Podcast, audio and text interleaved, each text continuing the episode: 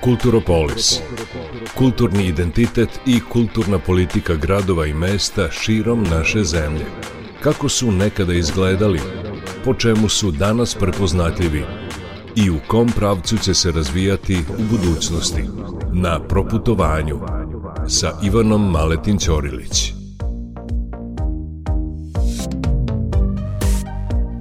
Dragi slušalci, dobroveče. Ja sam Ivana i vodit ću vas kroz Kulturopolis. Potraga za carstvom terakote dovela me na sever Banata. Utočište Sova Utina, Mamuta Kike, grad džinovskih tikvi, koji pritom krasi jedna od najlepših i najzelenijih ulica na svetu.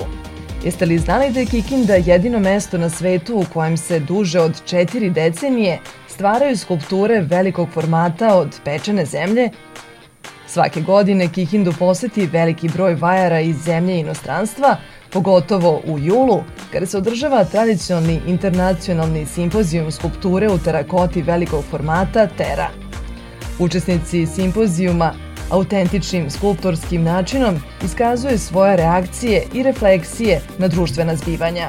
Njihovi radovi čine stalnu postavku muzeja Tera otvorenog 2017. godine u rekonstruisanoj i adaptiranoj vojnoj zgradi Manježa iz 19. veka. Muzej uskoro treba da dobije i najveći park skulptura na svetu od terakote, koji je istovremeno zamišljen i kao botanička bašta.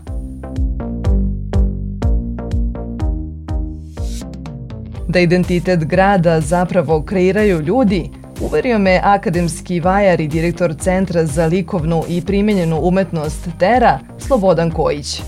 Tera kao ustanova kulture obuhvata tri objekta – galeriju, atelje i muzej.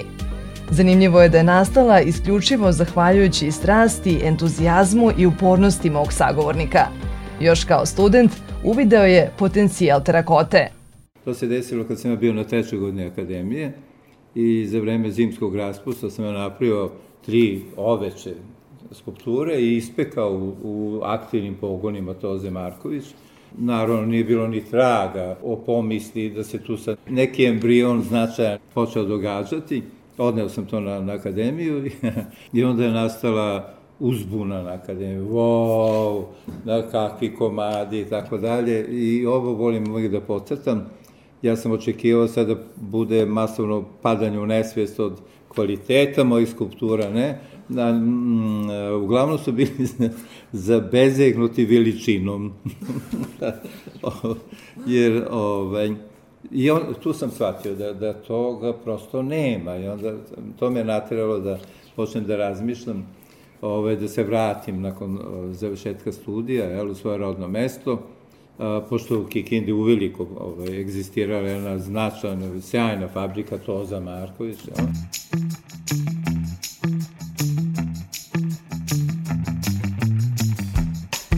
Kojićeva dugogodišnja zamisao ne bi bila izvodiva bez najviše električne peći za pečenje gline u Srbiji. Ona danas zauzima udarno mesto u ateljeu Tera, koji se pruža na 600 kvadratnih metara u nekadašnjoj fabrici crepa Toza Marković iz 1895. godine. Omogućava nastanak monumentalnih skulptura visine do 2,5 metra. Poslednja značajna, velika, ozbiljna produkcija e, skulptura u pečenoj zemlji, znači skulptura u terakoti, e, je nastala u vreme etruske kulture. To je period od 8. do 6. veka pre nove ere, možete misliti kad je to bilo. Od propasti etruske kulture više u Evropi nema značajnih pojava vezanih za skulpture monumentalnih dimenzija, a u tehnici terakote. Verovali vi ili ne tek, pojavom tere se terakota, skulptura, znači u pečenoj zemlji, velikih formata, vraća masovno na velikoj sceni.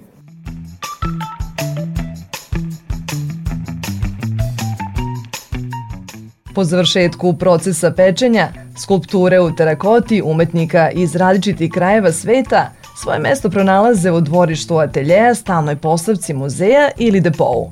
Stalna postavka broji oko 300 velikih skulptura i radova galerijskih formata, dok je u fundusu tere oko 1000 skulptura – Otvaranje parka skulptura i botaničke bašte dali bi celom kompleksu novu dimenziju.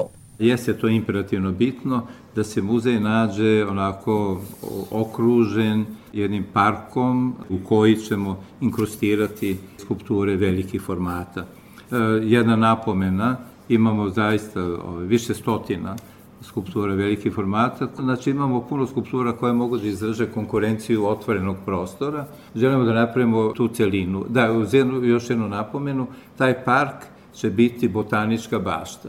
Radi se o, o površinu od 20 hektara, jer sad možete zamisliti ka, kako će da. to ove, ovaj, svetsko čudo biti. Imate jedinstven svetski muzej, jedinstvenu postavku ove, skulptura u parku, a park botanička bašta.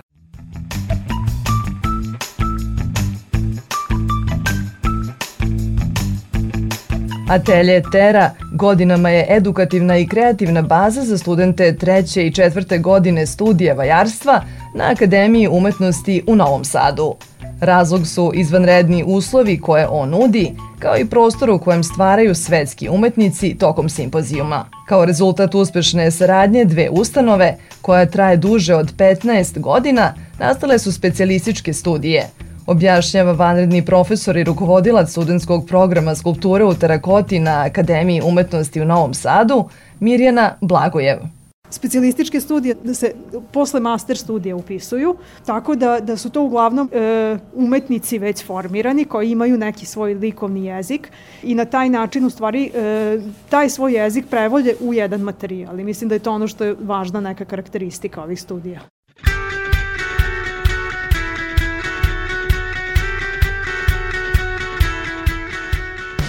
Specijalističke studije traju godinu dana, a osim studenta akademije, dobrodošli su i studenti sa drugih fakulteta.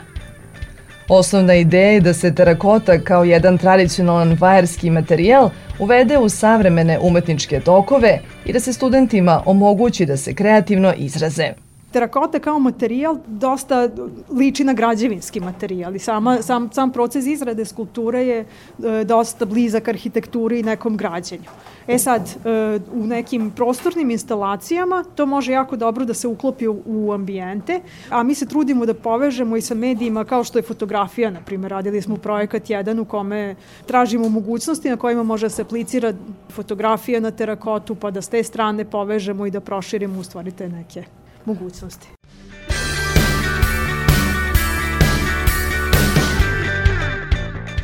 Kulturopolis.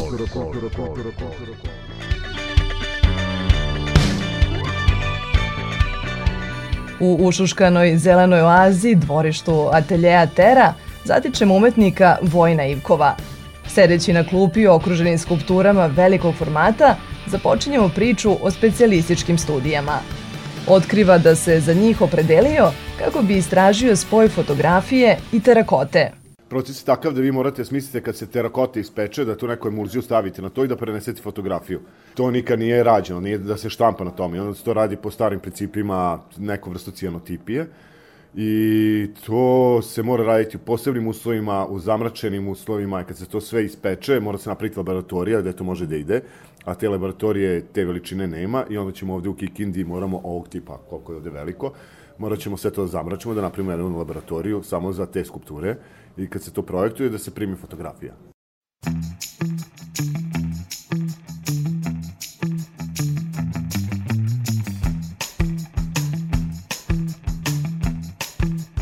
Ivkov je završio likovnu akademiju, a dugo se bavi dokumentarnom fotografijom – Od 96. godine okom fotoaparata beleži scene sa protesta u našoj zemlji koje će biti i tema njegove izložbe. Ja se bavim društveno angažovanom umetnošću, mislim, bavim se društveno angažovanim stvarima generalno. Ovde radim uh, kordon policije u terakoti, gde će se projektovati fotografije na štitove sa protesta, jedna velika fotografija sa protesta, a na njihove šildove, štitove kod kaciga idu portreti ljudi. Atelje ga je osvojio na prvi pogled svojom grandioznošću i duhom. U njega se kaže ulazi pognute glave i govori tiho kao u hramu. Za vojna proces vađenja gline i njenog oblikovanja predstavlja povratak prirodi, to jest korenima. Glina je zanimljiv materijal zato što direktno radite sa prstima, sa rukama i vidite odmah neki završeni produkt. To je toliko lagan jedan materijal da s njima možete napraviti šta god hoćete. A terakotu samo je meni prvi put bilo sada da radim sa terakotom i bilo dobro zato što su mi glinu koristili kao da bi pravili samo negativan, ne kao krajni produkt. Mm -hmm. I onda je zanimljivo bilo prvi put meni da koristim glinu kao da je završni produkt, da je završna skulptura. Eto, tu mi je bilo zanimljivo i dalje mi je to zanimljivo, zato što je, kao što vidite, materijal može da trpi i spoljne uslove i svašta nešto. Kakav je put od gline do terakote, istražila je vajarka Sanja Radusin Smiljanić tokom specijalističkih studija u Kikindi. Ona je posmatrala glinu na svom izvorištu. Dovela me na stari glinokop, nadomak ateljeja, čiju tišinu remeti samo huk vetra. Istraživala sam je na mestu starog glinokopa koji se nalazi nadomak ateljeja Tera i tu sam u stvari pratila e, na koji način se glina ponaša u prirodnom okruženju, tačnije do kakvih sve promena dolazi i tu sam u stvari e, želala malo više da istražim kroz e, skulpturu i instalaciju tu njenu osnovnu sposobnost da ona pamti kada je ovaj, u vlažnom stanju. Tako da sam svoj rad koncipirala u stvari na tom likovnom problemu.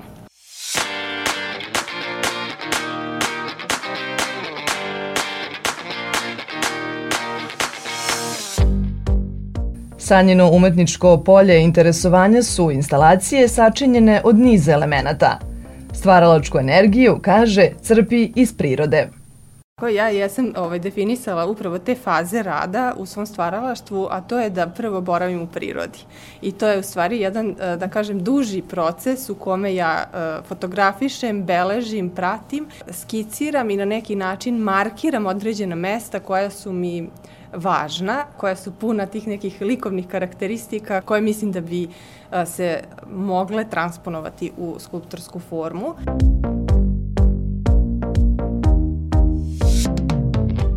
Sa Centrom za likovnu i primenjenu umetnost TERA prvi put se susrela na trećoj godini studija Akademije umetnosti u Novom Sadu.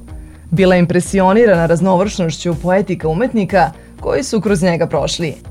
Glina je za nju oduvek bila izvor života ja svakako glinu posmatram kao jedan materijal koji je u stvari zemlja, odnosno nešto što, na čemu mi hodamo, nešto na čemu izvor mi života. živimo i, i izvor života kao u vidu hrane i u vidu plodnog zemljišta, gde je svakako Vojvodina potpuno specifična po tome, po svojoj plodnoj zemlji, tako da su to sve, da kažem, e, tačke koje su meni važne u mom stvaralaštvu, u razmišljanju na koji način ću da koncipiram svoj umetnički rad.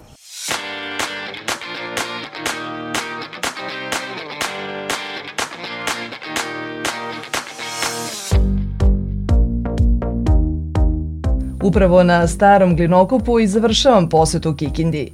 Verujem da će on još mnogo toga u budućnosti da iznedri. Moje ime je Ivana Maletin Ćorilić, pratili ste Kulturopolis.